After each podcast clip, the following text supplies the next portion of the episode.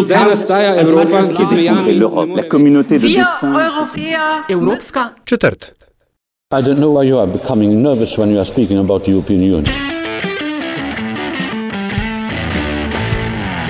Spoštovane in cenjeni, dobrodošli v podkastu Evropska četrt, podcast o vsem, kar vas bo zanimalo o Evropski uniji, pa niste vedeli, koga vprašati. Evropska četrt vodiva Nataša Briški in Aljaš Penkov Bitenc. Podcast domuje na spletni postaji metinalista.si, v vašem nabiralniku pa sveža epizoda takoj, ko je na voljo.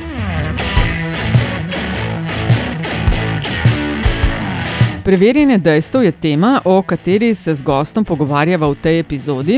O zadevah Evropske unije se sliši in govori marsikaj, in resnica je ne malokrat izkrivljena do neprepoznavnosti.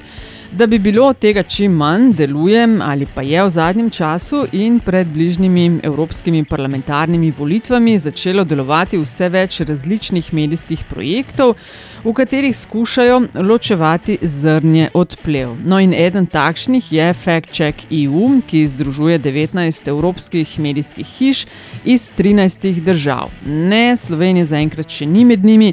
Sva pa z Aljažem v Istanbul poklicala Bajbarsa Orseka, ki vodi ta projekt, da nam razloži, zakaj gre, kdo sodeluje oziroma kdo lahko sodeluje, ter predvsem, kaj delajo in zakaj nas mora to zanimati. My name is Baybars Örsek. I'm the director of the International Fact Checking Network, and I started my job in uh, February. We'll be talking today about the Fact Check EU project, uh, which is. Um, The Fact Check EU project is an international fact checking network project that aims to bring together the European signatories of IFCN's Code of Principles, and the aim is actually to counter misinformation information uh, in the European Union at a continental scale uh, ahead of the European Parliament elections of May 2019. and uh, your part in this project is what exactly? Uh, the International Fact Checking Network has brought the participating fact checking organizations. Right now, we have 19 fact checking organizations from 11 countries in Europe. And our role as the IFCN is to uh, make this project possible by raising funds from our partners, including the Open Society Initiative for Europe and Google. So uh, this is how we managed to bring these different newsrooms across the continent. So the project actually started before I started my position here at IFCN, uh, but the discussions uh, started back in last spring when the founding director of the network, Alexios Mantzarlis, had met with the European signatures of IFCN and initiated this project. And right now I'm uh, responsible of making sure the uh, project is running up smoothly and I'm overseeing the day-to-day activities in partnership with our uh, coordinator uh, that runs the uh, daily uh, activities of the project. Um, 19 European media outlets from 13 countries are collaborating, uh, as you said, uh, ahead of the European Union parliamentary uh, parliament elections. What are the main topics that sort of pop up or continue to pop up repeatedly in terms of fact checking? I mean, since it's the parliamentary elections in the European um, Union, the European parliamentary elections, uh, most of the issues that are um, related to the elections are uh, they differ uh, on country basis.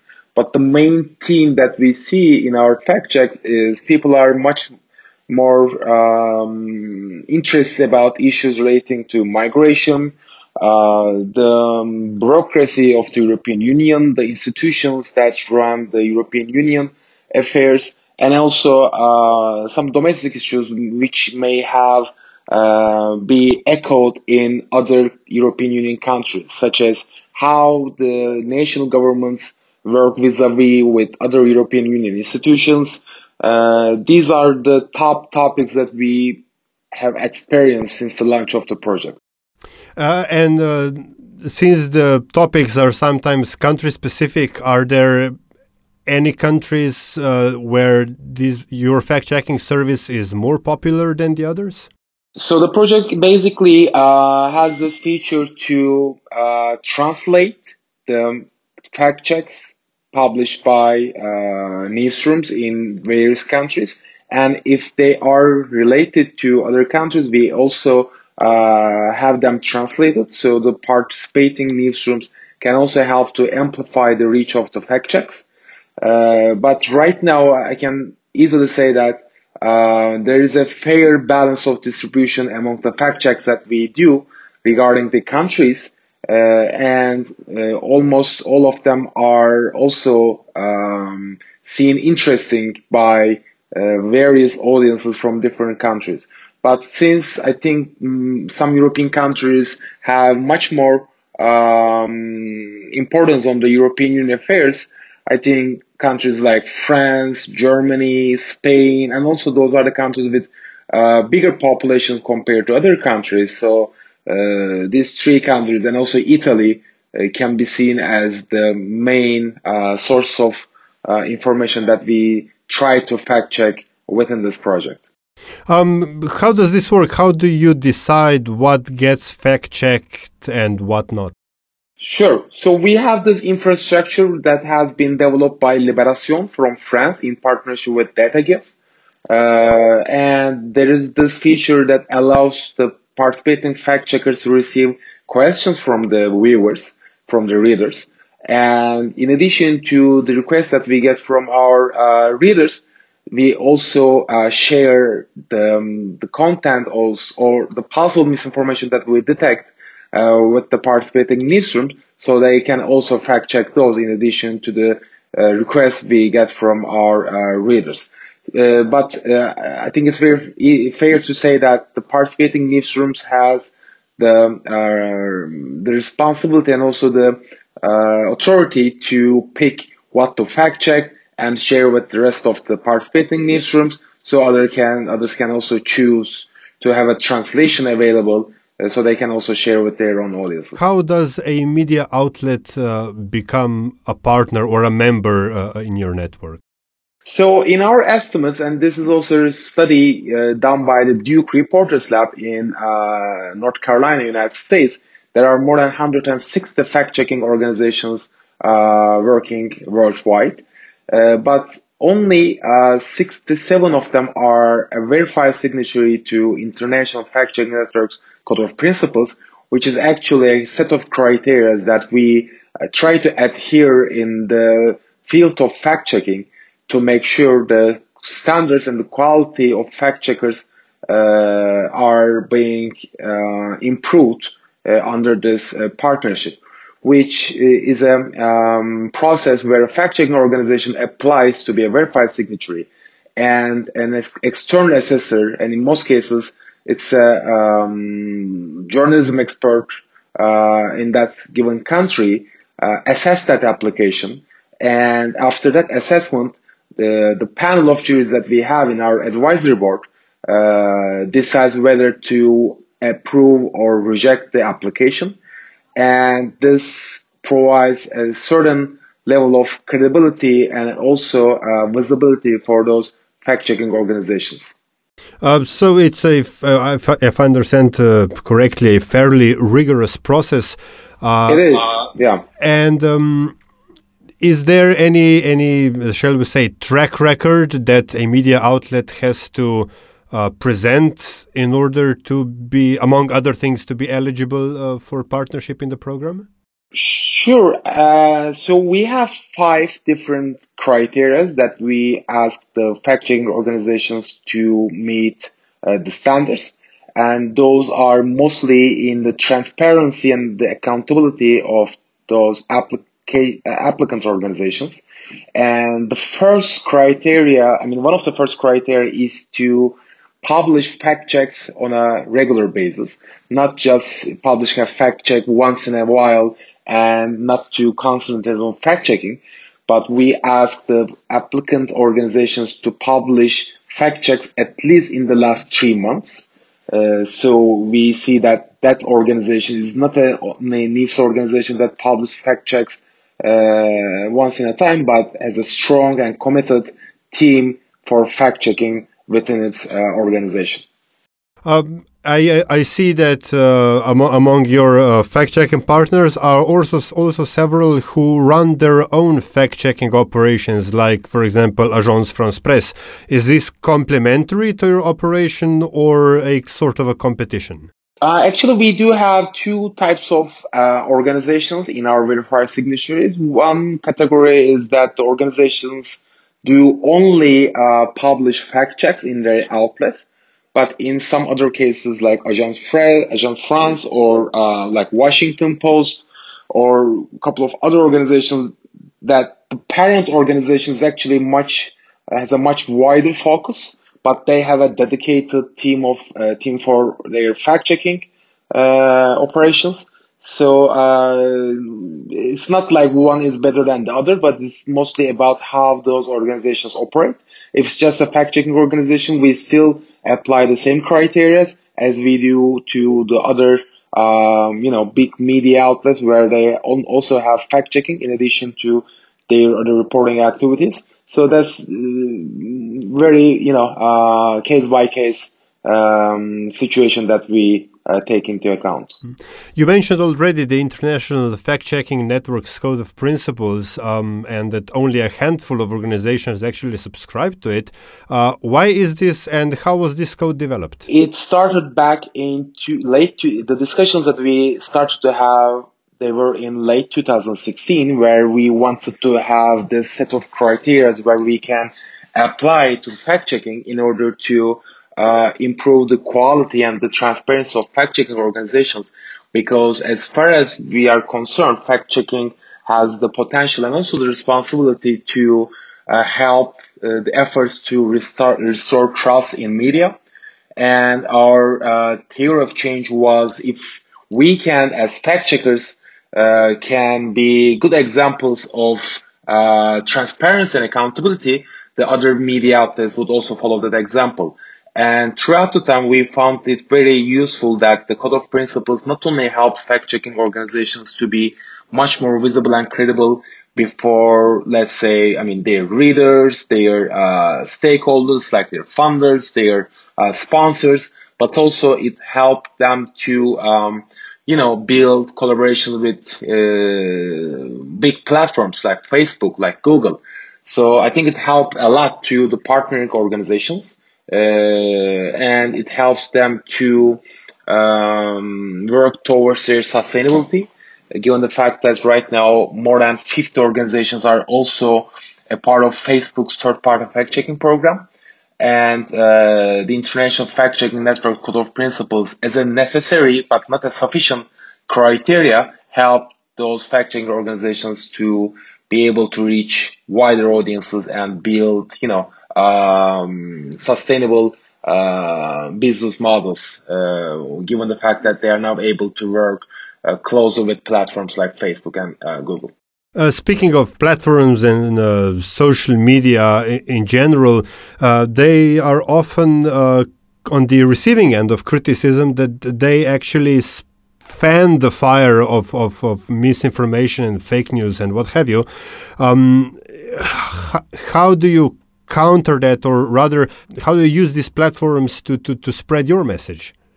I think it's important to uh, make this differentiation that, like, however we might be critical against the roles of platforms in terms of like the abuse of transparency and um, uh, surveillance in many different ways. I think uh, it's important to recognize that those organizations like Google, Facebook, and in also in encrypted messaging apps, they have the potential to be seen as a big publisher in many uh, markets.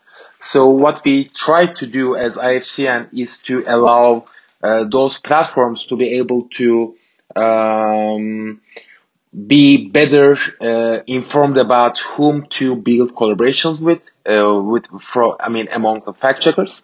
And I think as those organizations are, you know, are running their cooperation with those platforms, especially with Facebook, uh, individually, not under any IFCN scope or whatever, uh, it's important to see that um, at least they have the platform or the opportunity to, to reach wider audiences and help uh, to fight against misinformation in big uh, platforms.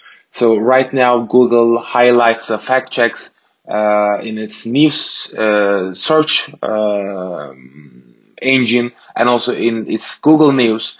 And the infrastructure that they use is uh, working side by side with IFCN's code of principles. And this is help, definitely a helpful uh, asset for fact checking organizations who are not only, you know, who can't only rely on traditional media to spread their work, uh, and you know, use the uh, new mediums, especially the platforms, to reach wider audiences. Uh, we have seen uh, throughout the last couple of years, uh, be it 2016 US election or the Brexit referendum or any number of other cases that have uh, attracted um, a wider debate about uh, misinformation and, and, fake news that uh, in the wor- in the words of an old proverb a lie makes its dash seven times around the world while the truth is still putting on its pants. Uh, so that seems to be an, an inherent a built-in disadvantage into a fact-checking effort. Correct. And we are also as ifcn is looking forward to have more data on how the especially the fact checking program with Facebook runs uh, and how it's impactful uh, over the uh, time. Uh, but right now we are still far from having that data to measure the impact of uh, that fact checking program. But on the other hand, we also uh, have some, um, you know, performances, especially for particular fact checks that are coming from our partners that shows the debunking of those, you know, misinformation can reach out to bigger audiences that the misinformation itself had uh, reached in platforms.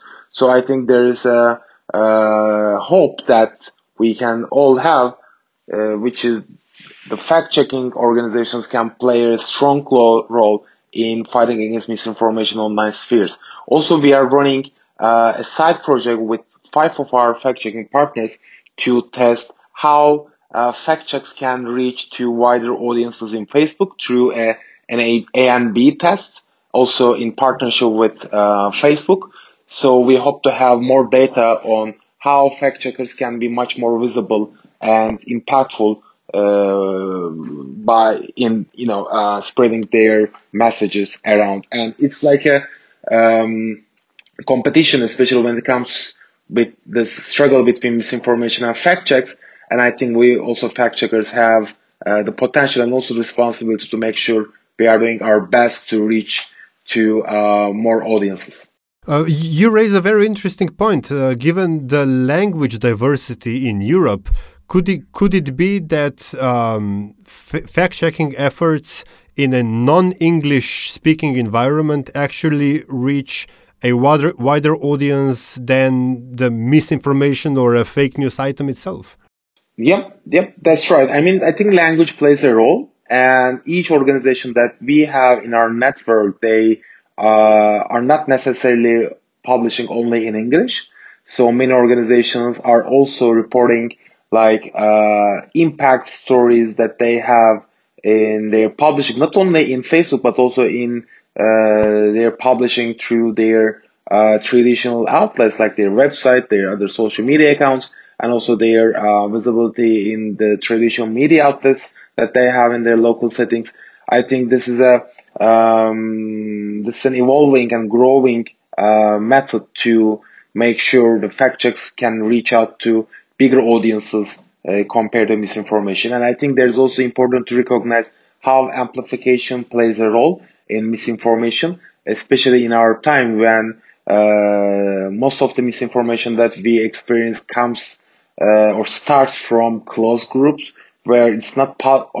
I mean, it's really hard to reach to those origins of misinformation as a fact checker, especially if it's coming from like WhatsApp messages, WhatsApp groups, or uh, like dark social such as uh, Facebook groups, or you know more um, isolated source of information.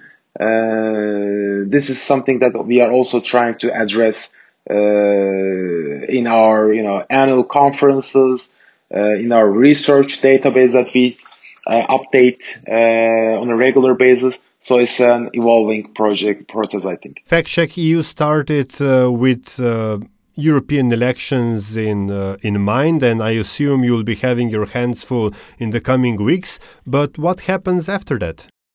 So uh, one of the core missions of the project has always been to um, share the outcomes of the project with the policymakers and also the researchers uh, and other stakeholders in Europe because misinformation is not only is not a um, problem that can only be uh, handled by fact checkers. It needs a multidisciplinary approach, and this is also what we are trying to do with Fact Check EU.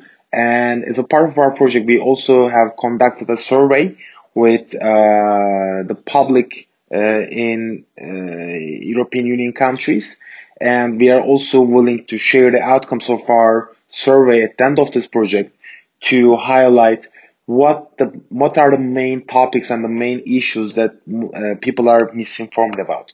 So it's not only a project to fact check individual claims and stories about the uh, European Union elections, but also it's uh, an attempt to raise more awareness and call to action uh, for uh, the researchers, the platforms, the um, fact checkers on how to handle misinformation at continental level.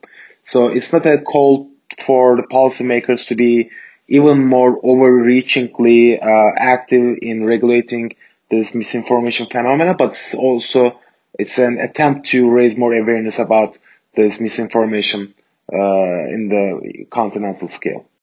Uh, and one final question. Uh, I noticed that uh, among your um, partnering media outlets, there are none from Slovenia. I don't want to put anyone on the spot, but why is that? Because nobody applied or because nobody passed the muster? Uh, so, as I said, we had 11 uh, organizations, and unfortunately, we don't have a verified signature from Slovenia a fact-checking organization that is a partner of uh, our code of principles. Uh, but I'm sure that we have, I mean, there are fact-check organizations in Slovenia, and we hope that projects like Fact-Check EU and our annual conferences can be uh, called for organizations in countries like Slovenia or you know other countries. We only don't. I mean, the only it's not Slovenia that we don't have a partner in this project. Uh, but that's because uh, there wasn't a verified signatory in Slovenia that also parts wanted to participate in this uh, consortium. Uh, with that, uh, Baybars Örsek, uh, thank you very much for your time and all the best in your work. Thank you. Thank you so much for having me.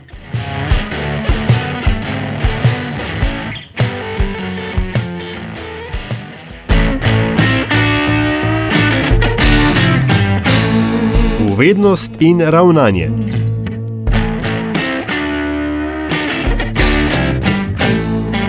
Najprej novica, o kateri ste tedni gotovo slišali že veliko, a je tako pomembna, da jo velja večkrat ponoviti. Za obstoj črnih lukenj smo imeli doslej zgolj posredne dokaze, no znanstveniki in znanstvenice z vsega sveta, ki sodelujejo v projektu Event Horizon Telescope, pa so pred dnevi objavili zgodovinski prvi posnetek in prvi vidni dokaz, da črne luknje res obstajajo. Kot je za STA med drugim dejala astrofizičarka Andreja Gombolc, je posnetek, na katerem je črna luknja v središču galaksije M87 v ozvezdju Device in okoli 55 milijonov svetlobnih let od Zemlje z velikostjo 6,5 milijarde mas Sonca, dokaz, kako pomembno je mednarodno sodelovanje tudi v znanosti, odkritje pa brez dvoma postavlja nov mejnik v znanosti. Brexit je ponovno predstavljen. Voditelji 27 držav članic so se po dolgotrajnih nočnih pogajanjih strinjali s pobudo predsednika Evropskega sveta Donalda Tuska za oblikovanje fleksibilnega podaljšanja tako imenovanega Flextensiona. Novi končni datum za izstop Združenega kraljestva iz Unije je tako 31. oktober, kar je predvsem posledica zahtev francoskega predsednika Macrona potem, da se brexita ne odlaga v nedogled in s tem daje potuhe britanskemu političnemu razredu. Tako mora britanski parlament do letošnje noči čarovnic nekako potrditi izstopni sporozum, prav tako pa morajo v državi maja izvesti volitve v Evropski parlament. Če jih iz tega ali onega razloga ne bi izvedli, pa članstvo Združenemu kraljestvu v Uniji avtomatično preneha 1. junija, so še sklenili voditelji 27. In še ena iz nepremičninskega področja. Po podatkih Evropskega statističnega urada Eurostat so se cene nepremičnin v četrtem četrtletju lanskega leta v primerjavi z letom poprej, tako v evrskem območju kot v celotni Evropski uniji, povečale za 4,2 odstotka.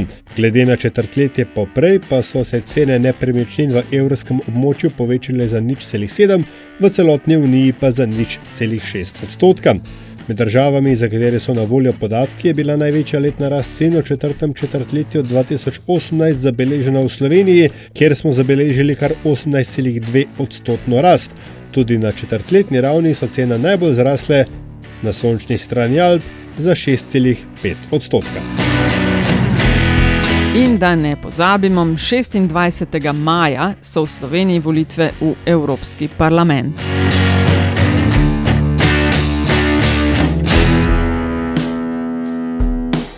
To je bila Evropska četrt. Hvala za pozornost. Predlogi, mnenja, pohvale in kritike so dobrodošli na infoafna.metina.si.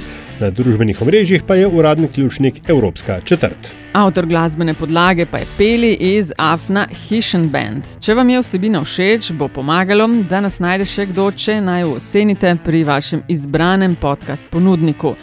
Hvala vnaprej tudi za vašo družbo in se slišimo spet k malu.